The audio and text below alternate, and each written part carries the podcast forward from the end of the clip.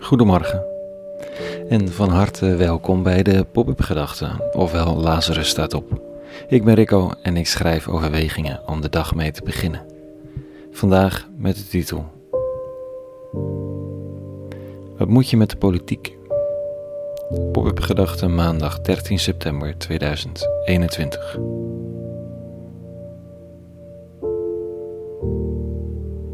Je kunt er elkaar goed dwars mee zitten. En terecht ook, in de meeste gevallen. Ik bedoel dat er hele goede redenen zijn aan te voeren om volkomen van mening te verschillen over de politiek en waar het heen gaat. Dat die onderknuppel van Thierry Baudet in de Kamer zijn hele speech heeft opgebouwd met parallellen tussen uitsluiting van ongevaccineerden en het begin van de Jodenvervolging. Wat op zo'n manier gebeurt dat het iedereen tegen de borst stuit en de beste man de mond wordt gesnoerd, wat natuurlijk koor op de molen is van zij die met verve de rol spelen van de uitgekotsten en uitgestotenen om des waarheids wil. En het is ook nogal wat om met pasjes en testbewijzen te gaan werken, samenlevingsbreed.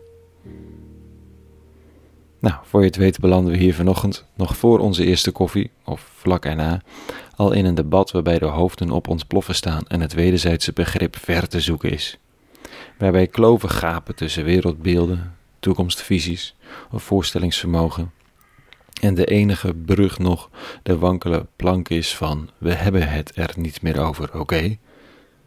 Om over te gaan tot de orde van de dag. Vandaag zegt Paulus dit tegen zijn leerling Timotheus. Het is uit een van de brieven in de Bijbel die niet aan een gemeenschap is gericht, maar aan een persoon, een leerling. Dit staat er. Dierbare, voor alles vraag ik u gebeden, smekingen, voorbeden en dankzeggingen te verrichten voor alle mensen, voor koningen en hooggeplaatsten, opdat wij, ongestoord en rustig, een in alle opzichten godvruchtig en waardig leven kunnen leiden. Het klinkt een beetje saai, ongestoord en rustig. Maar wie midden in de chaos zit, smeekt om een beetje meer rust en minder storing. Iets meer ruimte om gewoon te kunnen oriënteren op dat wat waardig is en past bij de hoop. Bij je diepste drive, bij je waardepatroon, je spiritualiteit, je godsvrucht. En wat is daarvoor nodig?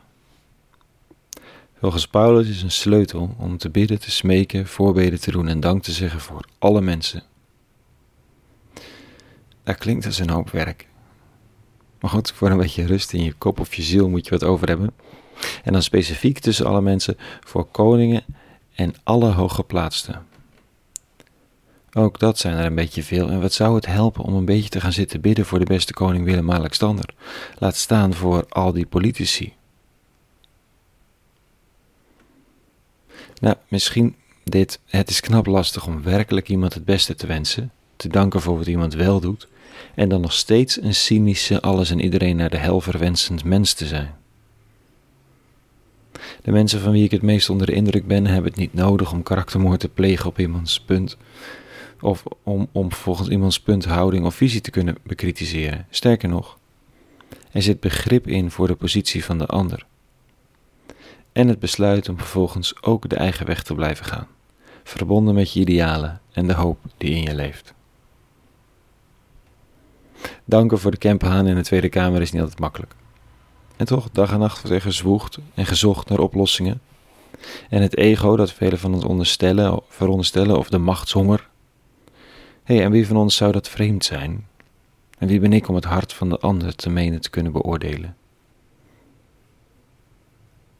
Ik dank voor de mate van stabiliteit die er is. Ik vrees soms een beetje voor de toekomst. En bid de eeuwige om wijsheid te geven. En hoop het dan een beetje daarbij te kunnen laten. Dat zal het idee zijn van Paulus' oproep aan zijn leerling. Ga niet de strijd aan met elkaar over de oppermacht die je het leven zuur maakt, of die jou zou moeten steunen, of die op moet houden met het aanzetten tot het uitsluiten en vervolgen van mensen die je lief zijn. Bid, smeek, dank de eeuwige, laat ze en ga je eigen leven leiden. Er is nog zoveel te doen. We leven in een wat onrustige tijd, politiek gezien. Het is maar een rimpelingetje waarschijnlijk vergeleken met de tijden van Paulus en sommige andere politieke tijdsgewrichten. En toch, het kan je aardig bezighouden of onrustig maken. En Paulus heeft een doel. Of je nou gebed gewend bent of niet, en heeft een focus. Iets met waardigheid, je eigen leven leiden. Het kan zomaar helpen. Tot zover vanochtend. Een hele goede maandag gewenst, een goed begin van de nieuwe week en vrede, natuurlijk. En alle goeds.